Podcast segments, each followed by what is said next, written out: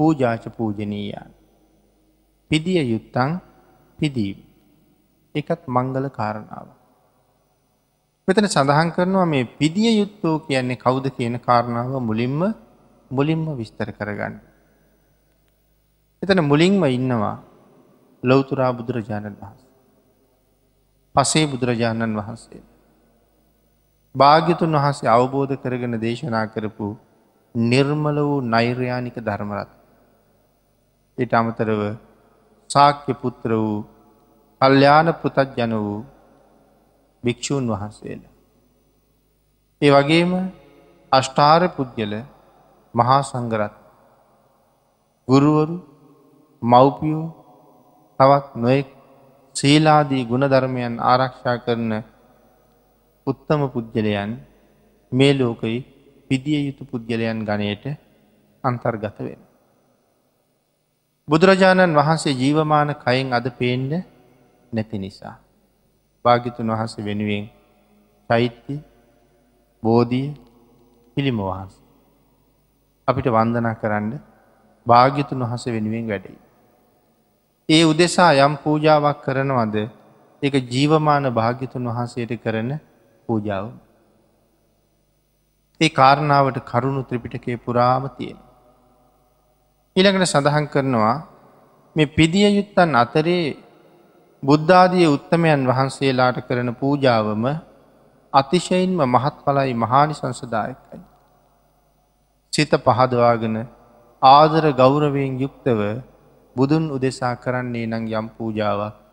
ඒ පූජාවන්ගේ මහත් පල භාවයම අසීමාන්තික බව පැහැදිලි කරන්න මේ ත්‍රිපිටකයේ පුරාම කරුණු කාරණාද ගොුණු කරලා පැහැදිලි කර.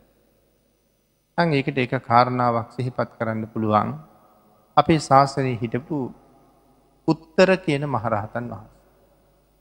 බුදුන් පිදූ උත්තර මහරහතන් වහස කියලා උන්වහස ගැන හඳුන්වලත්.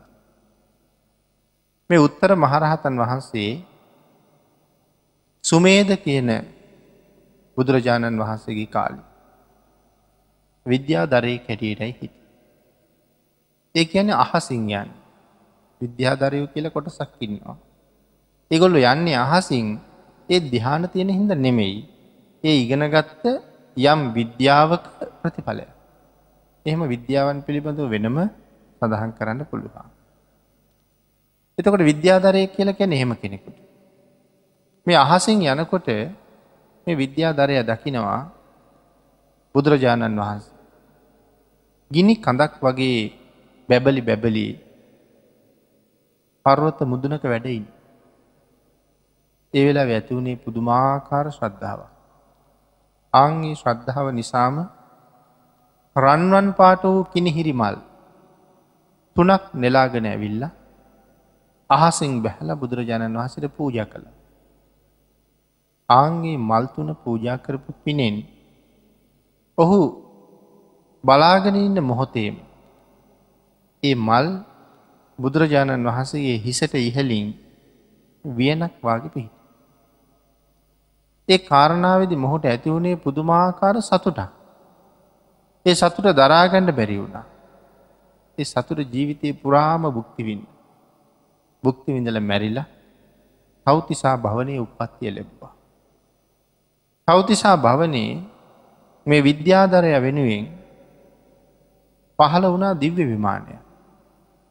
ඒ විමානය හඳුන්වන්නේ මනිකාර විමානය. යොදුන් හැටදාහක් උසයි. ගණරත්ත රම්පාට. එවගේම යොදුන් තිස්දාහ දිගයි යොදුන් තිස්දාහක් පල. විශාල මාලිගාව. ඉළඟට සඳහන් කරනවා මේ දිව්‍ය පුත්‍රයා විමනෙන් නික්මිලා තමන්ගේ පිරිස එක්ක යම් තැනකටද යන්නේ. අංගේ සියල්ලු තැනම කිනිහිරි මල් හැම තැනම පිපිල තියෙන. එනිසා සඳහන් කරනවා කිනිහිරි මල් බිමත් ඇතිරිලා. උඩත් ඇතිරිලා. හැම තැනම කිනිහිරි මල්වලින් සුවඳවත් වෙලා. කිනිහිරි මල්වලින් අලංකාර වෙලා තිබුණ කියලා. ඊළඟට සඳහන් කරනවා කිනිහිරි මල් වියනක් එයා යන හැම තැනම මැවෙනවා කියලා. බිම තියෙනවා වගේම ඉහලෙත් ඉනිහිරි මල්වලින් වියනක් හැදෙනවා කියල සඳහන්. අවටින් යොදුන් සේයක් තැන හිනිහිරි මලින් ගැවසීගෙන තියෙන. අවට වටප් පිටාව යොදුන් සීයක් පිමන ප්‍රදේශයම සම්පූර්ණ කිනිහිරි මල්වලින්ම ඇතිරිලා පැතිරිලා හරි සුන්දර භූමියක් වෙලා රන්වන් පාටින් බැබලි බැබලි තියෙන. ඉළඟට සඳහන් කරනවා තවත් ඔහුට හැට දහසක් දිව්‍ය නාට්ටිකරයෝ දිව්‍යමය වූ නොයකුත් තෝරවාදකයෝ දිව්‍යමය වූ ගීතගායන කොට නිරන්තරයෙන්ම ඇහෙන්ට තියෙනවා ඒ ප්‍රදේශයේ තියෙනවා. මෙහෙම බොහෝ සම්පත් ලබා බොහෝ කාලයක් දිවිය ලෝක සැපවින්. ආංගතන උත්තර මහරහතන් වහන්සේගේ අපදානය අපදාන පාලී සඳහන් කරනවා ත්‍රිපිටක අපදාන පාලියේ උන්වහස ගැන තොරතුරු මෙහෙම සඳහන් කරනවා. සතානං පංචක්කත්තුංච දේව රජ්‍ය මකාරයි. සතානං තීනික්කත්තුංච චක්කවත්තිී අහෝසහන් පදේශ රජ්‍යන් විපුලං ගණනාතු අසංකයන් බවා භවේ සංගරත්තු මහාබෝගං ලබා මහන්. බෝගේ මේ ඌනතා නත්ති බුද්ධ පූජා ඉදම් පල මේ සඳහන් කරන්නේ අපදාන පාලි. තේරුම සඳහන් කරනවා මේ විදිහට. මේ උත්තර මහරහතන් වහස තමයි මේ ප්‍රකාශය කරන්නේ. මම මල් තුනක් පූජා කලා වූ පිනෙන් පන්සිය වරක් දිවිය ලෝක ඉපදුනක් වේද. බුදුරජාණන් වහසර පූජ කළේ මල් තුනක්. ඇැබ හරිම ප්‍රද්ධාව. එනිසා දිවිය ලෝක ඉපදෙනවා පන්සිය වතාව. දිවිය ලෝක ඉපදිලා නිකම්ම පරිවාර දෙවිය හැටියට විතරක් හිටියත් නෙමෙයි පන්සිය වතාවම දිවිය රාජ්‍ය හොබෝවන්නට යෙතු. දෙව් රජෙක් වෙලා ඉපදුනා කියලා සඳහන් කරන. තුන්සිය වරක් මුළු පොළොවට අධිපති චක්‍රවර්ති රජෙක් බවට පත්වනා. තුන්සිය වතාවක්ම චක්‍රවර්ති රාජ්‍ය හෙබෙව්වා. එවිතරක් නෙමෙයි මහත් වූ ප්‍රදේශයන්හි ලද නොයෙක් වාර ගණන්වල ප්‍රදේශ රාජ සම්පත්තිය ලබවපු වාර ප්‍රමාණයේ සීමාවක් සීමාවක් නෑ. මම සසර භවයෙන් භවයට හැසිරෙන්නේ මහත් වූ සම්පත් ලබ. තවත් මේ සසර භවයෙන් භවයට නොයෙක් කල හැසුරුනාද මහාභෝගස්කන්දයක්ම ලැබුව කෙල සඳහන් කරන. මාහට සම්පත්තීන්ගේ කිසි අඩු බවක් කිසි කලෙක නැත්තේය මෙය බුදුරජාණන් වහන්සේ පිදීමේ උතුන් පලයයි කියලා උත්තර මහරහතන් වහස සඳහන් කරන. එදා අර විද්‍යාදරය තමයි දෙවුලවිංචුත වෙලා අපේ බුදුරජාණන් වහන්සේගේ කාලි මනුස්සලෝකය උත්තර නමින් ඉපදිලා පැවිදි වෙලා රහත්වෙන්. ආංගේ විද්‍යාදරය තමයි අපේ ශාසනය උත්තර මහරහතන් වහන්සේ බවට පත්වෙන්. ඊළඟට සඳහන් කරනවා තවද සුමේද බුදුරජාණන් වහන්සේගේ කාලයේ පටන් අපේ බුදුරජාණන් වහන්සේගේ කාලයේ දක්වාම කල්ප තිස්දාහක් මුළුල්ලෙහි දිව්‍ය මනුස්්‍ය ලෝක දෙකෙහි සැරිසැරුව සැපවින්ද මිසක් එකම වාරයකවත් සතරාපායාදී දුක්කයකට ගියේම නෑ කියලා.